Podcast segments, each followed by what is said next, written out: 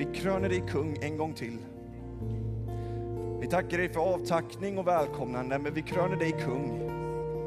I varje säsong, i varje tid, i föräldraskap, i pension. Du är kung. Du är kung. Och ingen kan ta kronan ifrån dig Jesus. För du har fått all makt, all ära, all värdighet. Du har fått allt i dina händer. Och trots det så väljer du att lämna det för att bli en sån som oss. Begränsad människa för att vinna priset. För att vinna varenda människas hjärta här inne. Herre, du är värdig mitt hjärta. Jag ger dig mitt hjärta idag. För hos dig är jag trygg. I Jesu namn. När man är i kyrkan och man tycker någonting är bra eller man, man håller med om någonting, det är därför vi säger amen.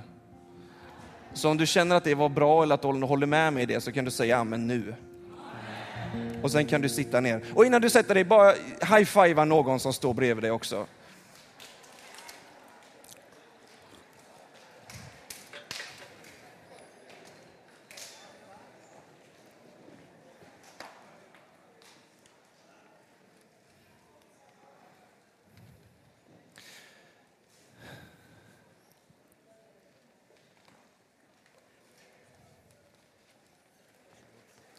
Alltså, vi är ju så välsignade i Citykyrkan med ett sånt fantastiskt lovsångsteam. Och jag skulle vi inte bara kunna ge en extra applåd till Helen? För, alltså, det är ju inte varje dag som Helen står och leder oss i lovsång. Och jag, jag måste säga Helen, jag har verkligen saknat det. Jag märkte nu, när du jag bara, nu är det så som det ska vara.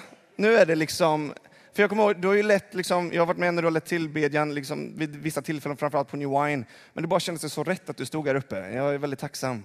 Tack för att du leder oss. Du, eh, du har ju lite mer så här, eh, smörjelse än din man. Det är ju därifrån det kommer. Bara så att alla är medvetna om det. Hörrni, eh, när Paul, Paul bad mig hålla en predikan på, på så här, sist, min sista, det är ju sista predikan jag håller i Citykyrkan. Då, är man lite så här, då väljer man sina ord väl. Eh, och när Paul bad mig predika så sa han, du kan väl lämna ditt legacy? Och jag förstod inte vad han menade med det, så jag var tvungen alltså, att slå upp vad legacy betyder. Och legacy betyder ju, eller svenskans arv. Så jag slog upp vad arv betydde. Och då stod det så här. Arv är bruket att föra vidare egendom, titlar, skulder och skyldigheter när en individ dör. Amen. Och jag kände så där med den förklaringen, så jag grävde djupare och då finner jag att det också kan betyda att man lämnar ett avtryck, begåvning eller talang. Och det är vad jag kommer fokusera den här predikan på. Det känns bättre.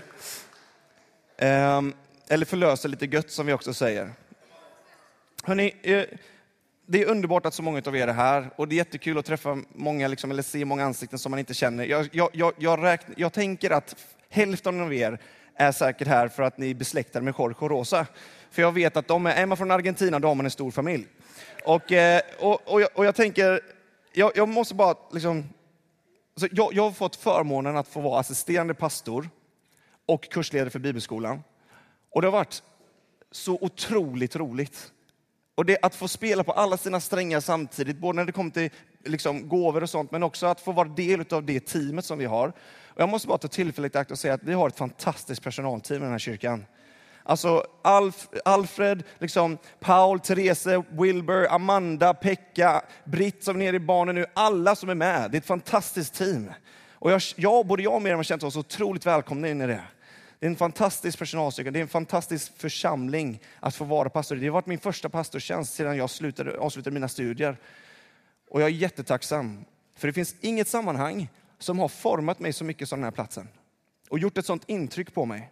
Och jag känner mig så rik när vi nu går vidare. Och jag känner mig verkligen sänd. Och det känns inte som det här är slutet på någonting. Av någon anledning så känns det inte som det är slutet, att det är början på någonting. Så jag är väldigt tacksam. Så Jorge, det är så kul att få se dig bara helt naturlig. Vi städade på kontoret häromdagen och då satte han sig på min stol för första gången.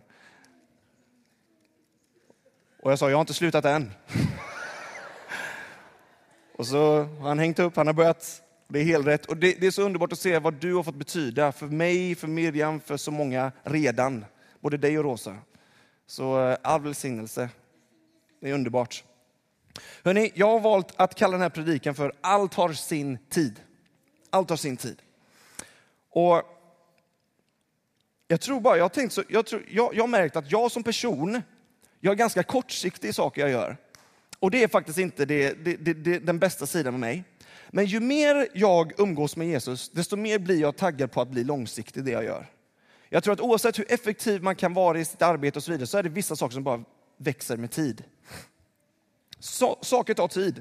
Och det gillar inte sådana killar som jag som inte har speciellt mycket tålamod. För jag vill att saker ska ha skett gärna igår, innan jag ens har börjat.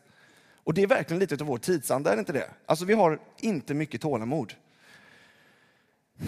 Men ju mer tid jag spenderar med Jesus så märker jag att han är så långsiktig. Han, han gör allt med evigheten i sikte.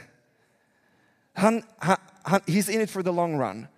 Och, eller, så jag, jag, jag kommit upp ett nytt ord, evighetssiktig. Så kom ihåg vart ni hörde det först. För jag tror det kommer komma i akademins ordlista. För det innebär att man liksom är avsiktlig med allt man gör. Allt man, man gör ingenting som faktiskt inte kommer in i det som komma ska. Och jag har bara landat i, och egentligen så är det precis vad, alltså, vad jag känner att Gud vill få sagt idag. Jag tror Gud vill säga att han har hela bilden. Och han vet vad han gör. Egentligen skulle jag ha frid i hjärtat att gå ner och sätta mig nu igen. För att det är bara, det är ju bra, eller? Du vet när du träffar någon som verkligen vet vad de sysslar med. De vet att det jag gör nu, många kommer inte förstå det, men en dag så kommer poletten trilla ner. Och så kommer jag känna att okej, okay, nu förstår jag varför detta skedde. Allt Gud gör, gör med, med evigheten i sikte. Och det gör att jag, eftersom han har hela bilden, jag litar till honom på, till 100 procent. Om han har evigheten i sitt, om han vet vad som har varit, vad som komma ska. Det man kallar för, man har ett ord för Gud, han är alfa och omega. Det är första och sista bokstaven i grekiska alfabetet, alfa och omega. Han vet allt, han, är, han är liksom överallt i tiden. Det var Gud som skapade tid. Han sa låt det vara ljus. Och när ljus trädde in, då skapades kosmos, universum. Det var då tid och utrymme och space blev till. Innan det, han är liksom utanför det vi kallar tid. Och vi är så inpräntade i att saker har sin början, saker har sin mitt och saker har sitt slut.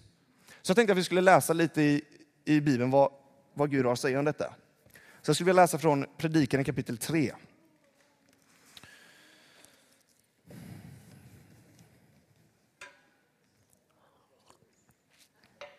Ja. Det här blir ett litet test nu. Om du inte ser detta, då behöver du nog gå till Synsam som ligger precis här på hörnet. Men jag ska läsa det för... Vad bra, fick vi testat det. Allt har sin tid. Så står det så här. Allt har sin tid. Allt som sker under himlen har sin stund. Födas har sin tid och dö har sin tid. Plantera har sin tid och rycka upp det som planterats har sin tid. Dräpa har sin tid och hela har sin tid. Bryta ner har sin tid och bygga upp har sin tid. Gråta, det har sin tid. Och le har sin tid. Sörja har sin tid. Och dansa, det har sin tid. Kasta bort stenar har sin tid och samla ihop stenar har sin tid. Lyssna på detta Alfred. Ta i famn har sin tid. Och jag behöver lyssna på att avhålla sig från famntag har sin tid. Sök upp har sin tid. Alfred gillar inte att kramas för er som inte känner honom. Sök upp har sin tid och tappa bort har sin tid. Förvara har sin tid och kasta bort har sin tid. Riva sönder har sin tid och sy ihop har sin tid. Tiga har sin tid. Att tala, det har sin tid. Älska har sin tid och att hata har sin tid. Krig har sin tid och fred har sin tid. Vad vinner då den som arbetar med sitt slit? Jag såg den mördare Gud har gett människors barn att sträva med. Allt har han gjort skönt. Allt har han gjort skönt i sin tid. Också evigheten har han lagt i människornas hjärtan. Ändå kan de inte förstå Guds verk från begynnelsen till änden. Jag insåg att det finns, något bättre, det finns ingenting bättre för dem än att vara glada och göra gott så länge de lever. Och när en människa äter och dricker och finner glädje i sin möda, då är det en Guds gåva. Jag insåg att allt det Gud gör består för evigt. Till det kan ingenting läggas och från det kan ingenting dras. Så har Gud gjort för att man ska frukta honom. Det som är fanns redan förut. Var med på den här, för den här är djup. Det, det som är, det finns, det fanns redan förut. Det som kommer att ske skedde också tidigare. Gud kallar, kallar på det förflutna. Det är en rätt så djup bibeltext, jag tror vi behöver be innan vi fortsätter. Ska vi bara inbjuda heligande att han får säga det han vill säga. Gud, vi tackar dig för din timing. Och vi, vi tackar dig för att du har skapat allting skönt i sin tid. Och vi välkomnar dig, heligande, att röra dig mitt ibland oss just nu och tala till oss, för att vi behöver verkligen höra. Jag vill höra från dig idag, Herre. Vi vill höra din röst idag. Och av allt som händer i vårt inre just nu, oavsett om jag, om, jag, om jag mår bra eller dåligt, oavsett om jag är ledsen eller glad, så väljer vi just nu att rikta vår uppmärksamhet på dig. Och enbart på dig. Och lägga den här gudstjänsten i dina händer. Amen. Allt har sin tid. Har du tänkt på det? Hela vår tillvaro har stunder. Det finns en tid för allting som sker under himlen. Och det får mig att ställa frågan, vilken stund har vi nu? Vilken stund är det just nu? Vilken tid är du i? Det är en svår fråga alltså. Jag hoppas det kommer vara okej att den här predikan är lite djupare. Jag är inte jättedjup som person, men den här gången så blev det lite, lite djupare så. Och jag tycker det är gött för att Gud han har djup i sig. Och när man tänker sådana här stora frågor, så min bön är att han ska börja nysta i detta och att det ska brytas ner till något väldigt konkret. Vilken, vilken säsong befinner du dig i? Om allt är skönt i sin tid, vad är det tid för nu då? Jag tror att det här är ett av våra största problem. Det är att vi inte har en känsla för vad det är för tid. Vad det är för stund. Om det finns en stund för allt under himlen, det innebär att det finns många olika sorters stunder. Vad är det då för stund nu? Vad är det läge för? Jag tror det är ett av de största problemen som vi befinner oss i, troende som inte troende, det är att vi inte förstår säsongen vi befinner oss i. Vi förstår inte tajmingen. Jag vet inte hur många av er som någon gång har känt när du liksom är på en plats i ditt liv där du känner, jag förstår inte vad som händer nu. Och om han finns, då vill jag bara göra så här, för jag fattar inte alls vad som händer. Vad är det för tid just nu? Och jag tror att tid och arbete, det är väldigt nära sammanlänkat, eller tid och syfte. Lika viktigt att veta vad Guds syfte är. Alltså vad är meningen med livet? Vi gjorde så när vi start, Paul berättade att vi startade Alfa-kursen. När vi gjorde det så gick vi ut på Drottninggatan och så frågade vi, ställde vi frågan, vad är meningen med livet? Och vi fick massa olika svar, väldigt fina svar. Men det är liksom någonting i oss som vill veta meningen och syftet till det vi gör. Och jag tror att vi kan hitta en nyckel i när vi tittar på vilken stund det är. Vad är det, vad är det för tid? Vad är det som händer? Lika, lika viktigt som att veta Guds syfte Lika viktigt är det att veta Guds timing. Jag vet inte om du någonsin har känt det. Jag såg upp ett annat bibelord. Jag tänkte egentligen inte ta med det, men det står i första Korinthierbrevet och det finns inte på projen där då. Men det står så här. Om vi tänker oss livet som en löpbana. Är ni med på det? Hur många håller på med någon idrott här inne? Upp med en hand. Hur många gillar att springa? Upp med en hand. Då ska jag tala extra mycket till dig, William. För ni vet ju att alla löpare, skriver Paulus, i en tävling springer men att bara en får priset. Löp då för att vinna det. Var och en som tävlar måste försaka allt. Löparen gör det för, för en krans som vissnar, vi för en som aldrig vissnar. Jag har målet i sikte när jag löper och jag slår inte i luften när jag boxas. Jag går hårt åt min kropp och tvingar den till lydnad för att jag, vill, för att jag inte vill predika för andra och själv kommer till korta. Alltså här snackar Paulus om att, jag vet inte om du någonsin har känt det, att du liksom, allt du gör, allt arbete du gör, det känns ibland inte som, varför gör jag det jag gör? Det känns som jag slår i luften. Vad är det för mening? Nu kommer jag in lite på hur Salomon är här, för han är ganska låg. Han är ganska nästan manodepressiv, han som har skrivit den. Han är väldigt nere. Han tänker, vad, är för, vad finns det för mening egentligen med allting? Men när man börjar rannsaka mer vad han säger så tror jag att man nystar upp någonting som faktiskt är väldigt, väldigt sant.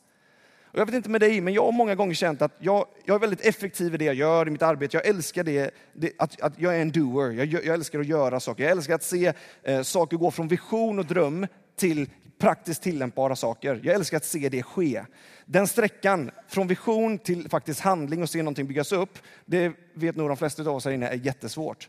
Så ibland känns det som att jag slår i luften. Jag jobbar på måndag, tisdag, onsdag, torsdag, fredag, lördag, söndag och sen är det måndag igen. När jag jobbade på Helly Hansen i butik så var det liksom varje måndag så fanns, fanns det något vi kallade för måndagsångesten. Bara, Åh, nu är det måndag. Och så jobbar man för att det ska bli helg. Alltså, finns det inte mer till livet än det? För helgen, mina polare som inte säger att de följer Jesus, men de är faktiskt bra nära på att göra det, vare sig de vill det eller inte, för att de, det börjar påverka dem mer än vad de tror. Så känns det som att man slår i luften. Men tänk om vi skulle börja få målet i sikte på det vi gör. Och vi skulle börja inse vilken tid vi gör saker i och att det vi gör är väldigt nära kopplat till en tid och en stund. Det jag försöker säga är så här att många gånger så det finns en stund för allt under himlen. Och så finns det mycket vi gör då, alla de här stunderna. Men det finns ju en tid för varje stund, för allting som sker under himlen. Så om jag inte vet vad det är för stund, hur kan jag då få mening till det jag gör? Är ni med på det? Den är djup, jag vet. Men för er som fattar det så är det helt underbart. Men om jag inte förstår vilket, vad är det för läge nu? Vad är det för tid jag är i? Om allt har sin tid och det finns olika tider, det finns tid att gråta, det finns tid att le, det finns tid att göra allt de här sakerna. Då är det som att om jag inte förstår den tiden jag lever i, och då menar jag inte liksom att nu är det tid för mig, nu, Joshua han är sju månader, nu är jag i en pappatid. Utan jag menar att det är, en, det, är en, det är liksom en andlig tid också, det är en djupare dimension. Så om jag inte förstår den, då är det som att jag slår i luften på allt jag gör. Då är det som att jag lever för helgen, då är det som att jag lever, ingenting jag gör har mening eller syfte. Det är nästan som ett sandslott jag bygger upp och så kommer en, en våg hela tiden och sveper bort det. Meningslöshet. Vet ni vad? Det finns inget värre för mig alltså. Att det jag gör inte ska ha ett evigt perspektiv, det är det värsta jag vet. Du vet när man har jobbat, slitit stenhårt och sen bara rinner ut i sanden. Det är nog det värsta jag vet alltså. Och jag märker att för mig, jag har så svårt, jag är en doer, men jag har så svårt att inse vad det är för tid. Hjälper detta någon eller? Jag tycker själv det här är riktigt bra alltså. Ja. Slå inte i luften. Vet du vad? Jag tror att det, vi, det här är närmare oss än vad vi tror. För jag tror att anledningen för att vi i det här postmoderna samhället in, har så svårt för det här, det är för att vi inte längre, vi kommer ju från ett bondesamhälle. Är det någon bonde här? Är det ingen bonde här? Vi var i Insjön på bröllop här ganska nyligen. Och så märkte jag att det inte finns något, det finns ingen te, det finns ingen kaffe. Det finns liksom ingen espresso house. Jag har bott här bak, jag har bott alltså, här, precis vid Drottninggatan. Jag behöver bara gå ut och så har jag massa olika takeaways. Där fanns, det fanns en pizzeria och jag var så sjukt tacksam att den fanns där. Det fanns inget annat. Jo, det fanns en Tempo också, men den hade några trötta saltlakritsremmar. Det var det de sålde där. Annars är Insjön jättefint. Jag får passa mig för de här parenteserna, för jag tappar bort mig så lätt alltså. Jo, bondesamhälle, så var det. Och så, för då fanns det en nära koppling mellan arbetet du gjorde och tiden du befann dig i. Då var det så viktigt med vinterperiod, vårperiod, sommar och höst. Alla bönder vet att man inte sår under vintern. För om man sår under vintern så arbetar tiden emot dig, för då är det liksom tid för frost och det är hårt i marken. Men under våren, då sår du, för då är jorden mjuk och mottaglig för frö. Och under sommaren så hinner det här växa till sig. Är du för tidig med att skörda, då får du inte ut så mycket av skörden. Är du för, är du för sen, då kommer solen att bränna mestadels av skörden. Och då var det så tydligt med arbete och tid. Och vi håller på att tappa det mer och mer, för det är inte lika viktigt längre. Idag så ser jag generation efter generation, framförallt mig själv. Jag är född 89 och jag är så himla glad att jag kan säga att jag är född på 80-talet, för då känner man sig att man är lite större än vad man faktiskt är. Jag, är det någon mer som tänker förresten, för jag tänker jämt att jag är ett år äldre än vad jag är. Jag sa att, till någon häromdagen att jag är 29 bara för att jag tänker nästa år är jag 29, men jag är faktiskt 28. Jag har en bild av mig att jag är väldigt stabil som person. Tills jag fick Joshua och han visade att så är inte fallet. Jag stod, jag fick, jag, första gången jag flippade, jag kommer fortfarande ihåg det, när jag, när jag skulle värma den här vällingen och det blev för varmt, för kallt och han så här, jag hade ett sammanbrott alltså. Vid diskbänken. Jag bara... Döm inte mig, för jag vet att varenda farsa har gått igenom det här. Jag har frågat varenda en. Men det finns en tid då. Det är vinter, då sår man inte. Så tiden avgör lite hur vi jobbar. Men det håller på att försvinna. Det är fler och fler. Där vi, inte, vi kan inte se vilken tid vi lever i. Vi kan inte se tecknena. Vi är helt borta egentligen. Om vi ska vara helt ärliga med oss själva. Och för mig är det här tålamod. Det här har jag skrivit själv. Det, jag säger det igen, det är jättebra det här. För mig är tålamod att leva i Guds tid istället för min egen. Det är bra. Det är Gud som, det är så det funkar. Men jag, för mig var det verkligen, när jag försöker ta tiden i mina egna händer, då går det åt skogen alltså. Men när, jag, när Gud hjälper mig att inse vad är det för tid jag är i, då kan jag också inse det här ska jag inte göra, men det här gör jag. Ett gör jag, säger Paulus. Jag släpper det som ligger bakom och sträcker mot det som ligger framför. Jag löper ett lopp för att vinna priset. För jag, jag, slår inte bara i luften. Jag gör inte saker meningslöst, utan jag har ett mål och sikte med det jag gör. När du har mål och sikte i det du gör, på din arbetsplats, på din skola, vare sig du är student eller vad du gör med din familj. Om du har ett mål med det, då kommer allt börja få mening. Då kommer saker börja falla på plats. Och du kommer få ett momentum, du känner att saker börjar gå fortare än vad det brukar göra. Bara för att du gör saker i sin rätta stund. För att allt har sin tid. Så vad lever du i för tid? Vad är det läge för just nu i ditt liv? Jag tror det är den mest värdefulla fråga du kan ställa dig idag. Så här.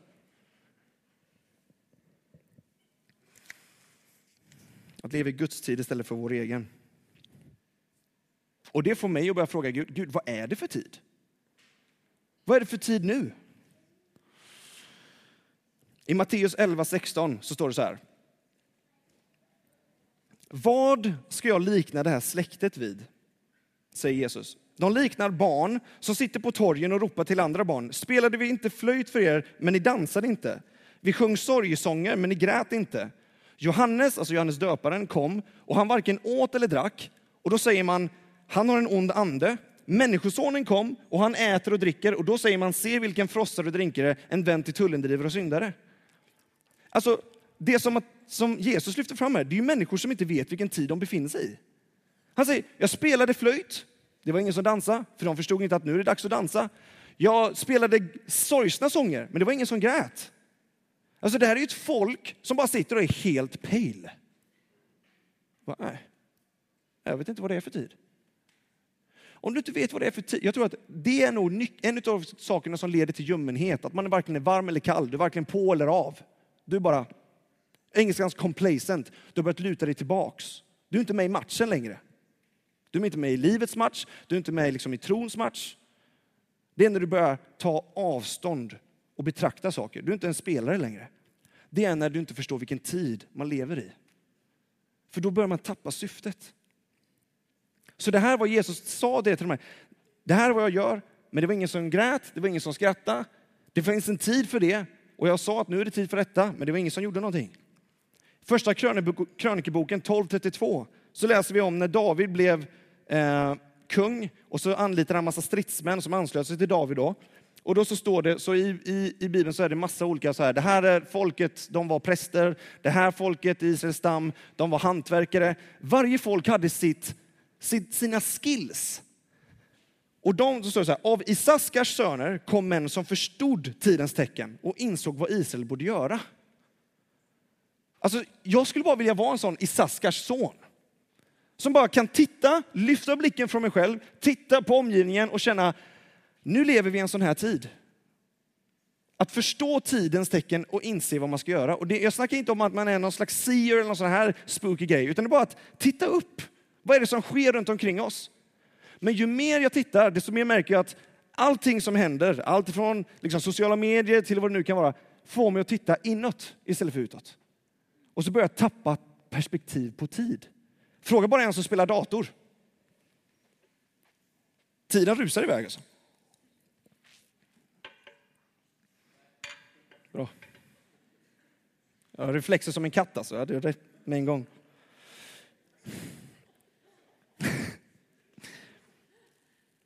Många har till mig under min uppväxt sagt så här. Daniel, Gud är aldrig sen. Och vet du vad, det har han faktiskt aldrig varit när jag tittar tillbaks. Men han har inte varit tidig heller alltså. Ja, men Gud har sin, han har sin tid. När han kliver in, då börjar festen. När Gud säger nu ska det här äga rum, då äger det rum. Och det är ingen som kan göra någonting åt det. Kanske befinner du dig liksom i, i, i, en, i en, på en plats i livet just nu där du är, du är fullt medveten om att du borde göra någonting. Och du förstår att nu är det tid. Du, kan, du är som en Isaskars son, du förstår vad du ska göra. Då bara inte modigt att göra det. Eller så är det som sån som mig, som är en görare och du vet precis hur du ska, eller så här, hur du ska, vad du ska göra. Du vet bara inte när tiden är mogen. Jag tror det här är ett av de största problemen just nu. Största problemet, att vi inte vågar göra det Gud säger att vi ska göra och tvärtom. Så vad är det för en tid? Vad lever du i för tid? Vad är det för tecken runt omkring dig som visar att nu borde jag göra det här? Även i affärsverksamhet. Liksom. Allt bara har sin tid. Och det finns tecken som visar, där Gud försöker berätta för oss vad det är för en tid. I Matteus 16, 1-4 så säger Jesus, han snackar med några eh, fariseer, som några skriftlärda som försöker sätta honom på prov. Och så säger fariséerna och saddukeerna, de kom fram till honom och ville pröva Jesus och bad honom visa dem ett tecken från himlen. Och han svarade dem, på kvällen säger ni, det blir vackert väder, från himlen, för himlen är röd. Och på morgonen, idag blir det oväder, för himlen är röd och mulen. Himlens utseende förstår ni att tyda, men tidernas tecken kan ni inte tyda. Ett ont och trolöst släkte söker ett tecken, men det ska inte få något annat tecken än Jonatecknet. Och han lämnade dem och gick sin väg. De säger, visa oss ett tecken Gud. Visa oss, om du är så mäktig, visa oss vad du, vad du går för. Och han säger, vet ni vad? Det är så mycket tecken runt omkring er, men ni, ni har inte ögon att se dem med. Har ni sett Bruce Almighty? Han sitter i bilen. Han har fått all Guds kraft, om det är en vecka eller sådär. Sitter han och kör bil. Och så är han förkrossad och bedrövad. Och så säger han bara, är det någon som har sett den? Upp med en hand. Så jag vet att många säger, ja. Och så sitter han och kör. Han bara, God give me a sign. Give me a sign Lord. Och så kommer det en lastbil med fullt bara, stop, take another route, don't go here. Och han bara, give me a sign Lord. Och så bara kommer det massa tecken. Men han är så inne i sin egen självömkan så han ser inte tecknena. Alltså det är jag. Det är så mycket Gud gör som jag inte ser bara för att jag är så inåt-tittande. Jag är så kortsiktig ibland så jag inser inte att han har ett evigt perspektiv. Vad är det för en tid? Vad är det som händer? Och Jesus sa, alltså, be mig om ett tecken, men det är saker som händer överallt. Och jag älskar att Gud, han gör alltid perfekt timing. Galaterbrevet 4.4. Jag hoppas det är okej att vi tar lite bibeltexter så här. Så ni vet att jag håller mig på banan här. Men när tiden var inne sände Gud sin son. När tiden var inne så sände Gud sin son, född av kvinna och ställd under lagen, för att friköpa dem som stod under lagen så att vi skulle få söners och döttrars rätt. Och eftersom ni är söner och döttrar har Gud sänt i våra hjärtan sin sons ande som ropar Abba far. Alltså är du inte längre slav utan son. Och är du son är du också arvinge insett av Gud. Alltså jag skulle kunna stå här och snacka om mitt legacy och mitt arv och hur grym jag är. Och det vet jag redan så jag behöver inte säga det till någon. Vissa av er bara, alltså. Förlåt, jag, bara, jag vet att jag är så älskad alltså. Jag vet om det, därför, därför så, jag, man må, oh, det kommer sen, det är nästa, nästa sida här. Eh, när tiden var inne så sände Gud sin son. Tack vare att Jesus klev in i den rätta stunden så har du och jag ett legacy. Då har du ett arv. Vad har du för arv? Jo, han lämnade räddningens arv. Att alla kan få samma evighetssyfte.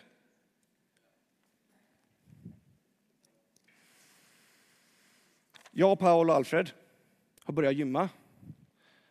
Så här, I januari började jag. Jag vet inte om, om det syns. Men de började i december. För att de behövde liksom komma ikapp mig lite. För, men så var det ju. Eh, men sen nu behöver jag komma ikapp er. och då kommer jag ihåg typ januari där. Så var jag så, jag började, du vet när jag längtar efter någonting, då börjar jag tala om det redan innan det har hänt. Eh, och då så gick vi där och så var det en solig dag och så började det liksom, var, asfalten bli varm. Och ni vet den här lukten av när varm asfalt och, och väta, det är, liksom, det är så här sommardag, det där, när, det blir varmt på asfalten och det dunstar upp så här. Och jag bara, känner ni att det snart är vår eller? Våren är här. Det, var liksom, det hade precis varit julafton. Och så, det är vår. Jag tror jag hörde någon liten, liten kråka också och, så här, och tänkte att det var någon vårfågel. Och, så, och, och Alfred bara, nej jag känner inte alltså. Och alla vet vi att våren kom ju om, för två veckor sedan, så det var liksom ganska så här wishing thinking. Men jag älskar hur man liksom, till och med naturen inrättar sig för att ge oss liksom, ibland kan vi i luktsinne också bara känna, ah, nu är det verkligen vår. Jag gick förbi nu, liksom, gick förbi Adolf Fredriks kyrka här och kände liksom lukten av blommor. Till och med naturen visar på olika säsonger och stunder.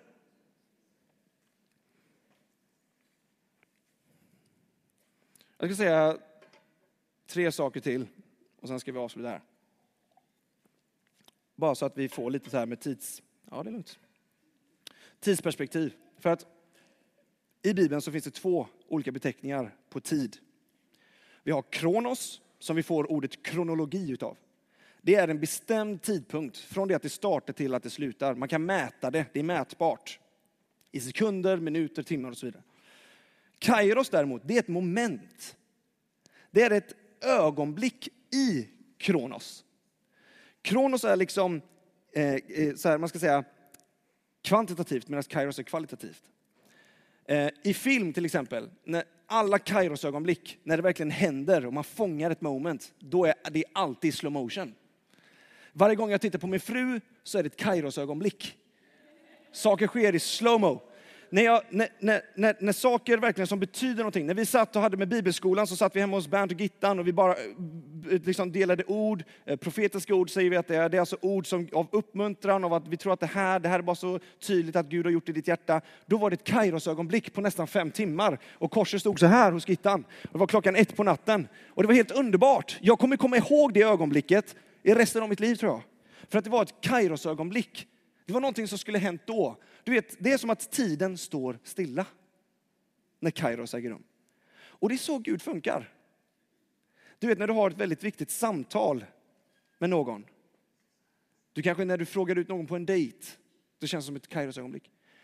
Jag och mina skrev på papperna. Jag har aldrig betalt så mycket för något så lite. Men en bostadsrätt i Sävedalen, det var Kairos ögonblick. Och jag svettades mycket. Men det är någonting som sker. Och sån är Gud, för allt och sin tid. Så han kan gå in i början, han kan gå ner i slutet, han kan gå ner var som helst i tiden, för han är utanför all tid, för han är helig. Han griper in. Han gör det nu. Nu upplever jag ett Kairos-ögonblick för vissa. Det kommer bli ett Kairos-ögonblick för många här inne. När känner att nu talar Gud till mig. Och det är som att tiden står stilla när han talar.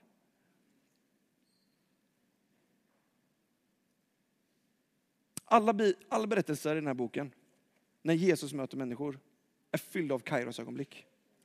Ingripanden i historien som får oerhörda konsekvenser.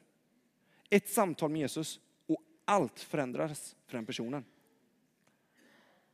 Ett ögonblick av obestämd tid där allt händer. Det är som att allting bara tankas ner till en liten strof. Och kanske är du som vi läser om i Petrus, när Petrus, jag vet inte om du kan berätta men Petrus, Jesus kom gående på vattnet och säger Petrus, kom. Och Petrus kliver ur båten och går på vatten. Kairos ögonblick. Eller när Jesus träffar en annan person vid en brunn, en kvinna, han sitter vid brunnen och säger, kan du ge mig något att dricka? Vilket är väldigt roligt att Jesus ber någon om vatten. Och en tid in i samtalet förstår kvinnan, det här är Kairos ögonblick. Det här är Gud som sitter framför mig och snackar med mig. Då är det lite konstigt att han ber mig om saker. Det borde vara jag som bad honom och så säger hon, ge mig utav ditt vatten. Och så sker det ett skifte. Varje gång Gud griper in så sker det ett skifte i tiden. Och det är helt underbart, för han älskar oss så otroligt mycket. Kairos är alltid när det, vi trodde att det gick en riktning och sen bara tvärt ändrade. Till och med ett skämt är uppbyggt på det sättet. Man säger någonting, vi tror att vi vet vart det ska gå och så, skämt, så byter man riktning och så börjar man skratta. Till och med vårt skratt är uppbyggt på det. Vår humor är uppbyggt på att jag trodde att vi var på väg hit och plötsligt så går det en motsatt riktning. Det är kairos. Lovsångsteamet, ni kan få komma upp. Och så ska vi börja, jag skulle vilja avsluta med detta. Jag ska avsluta tre gånger, bara så att ni är medvetna om det. Det är det första. För Salomon skriver, han skriver så här, allt har han gjort skönt i sin tid. Alltså Gud har gjort allt skönt i sin tid. Och evigheten har han lagt i människans hjärtan. Jag insåg att det inte finns något bättre än att vara glad och göra gott så länge det lever. Jag insåg att allt Gud gör består för evigt.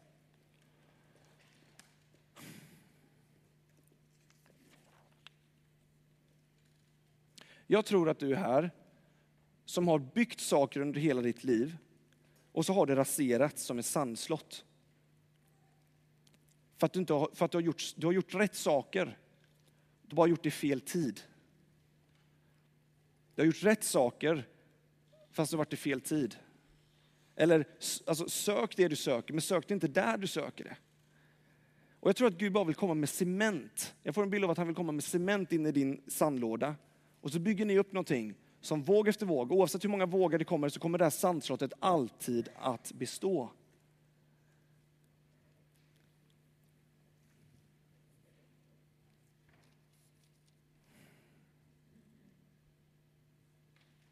Det här att göra saker i egen kraft. När vi gör saker utanför den tiden som Gud faktiskt har, gett oss och gör det i egen kraft, så är det som att det blir meningslöst. Och jag tror att han vill komma med mening in i allt som du gör i din vardag.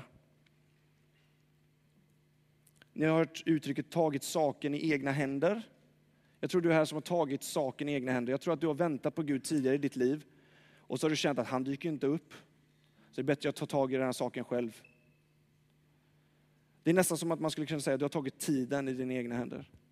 Du har tagit allting du vet inte vad du ska göra, du vet inte, saker går inte ihop. Så jag tar tillbaks det här. Jag tar tillbaks auktoriteten som jag kanske gav Gud och gör någonting eget utav det. Och jag skulle vilja avsluta med den här bibeltexten. Och det är från Psaltaren 31.15. Där är kung David som skriver. Han skriver så här. Men jag litar på dig, Herre. Och jag säger, du är min Gud. Min tid är i dina händer. Ser ni Kairos-ögonblicket? Kvinnan vid brunnen som säger, Jesus som säger till kvinnan, ge mig något att dricka. Och kvinnan inser, det är något som händer nu som jag har svårt att sätta ord på. Men jag borde fråga honom att han ska ge mig att dricka. För det här är Gud som sitter och snackar med mig. Samma sak sker det här. Du är min Gud, jag är inte din Gud. Jesus, du är min Gud och min tid är i dina händer. Gång på gång så finner jag mig där jag liksom tar tiden i egna händer. Saker händer ju ändå inte. Det är bäst, jag litar på min egen förmåga här. Problemet är bara att sekunder du tar tiden i egna händer så kommer allt du gör bli meningslöst. Jag vill bara ta strid mot den meningslösheten. Att du faktiskt skapades med ett syfte, inte en plan. Många säger Gud har, Gud har en plan för dig. Det kan säkert vara riktigt, men jag tror att han har framförallt ett syfte för dig. Jag tror faktiskt inte Gud bara, nu, den här planen har jag för dig och sen ska du göra det här och sen ska du göra som en marionettdocka. Det är, så, det är så kärlekslöst. Jag tror faktiskt inte Gud har, nu vet jag, jag kommer säkert få ändra, ångra det här. Jag tror inte Gud har en plan för dig. Men jag tror han har ett syfte för dig. Det är så mycket bättre. Jag tror det finns en tid just nu där han också bara erbjuder sig själv till dig igen. Och jag tror det finns en tid för så mycket just nu, men som du inte har varit medveten om. För du har bara inte lyft blicken och tittat upp. Utan, utan, utanför våra fönster just nu så står hela naturen i grönt. Så det är till och med som ett grönt filter när man tittar på saker.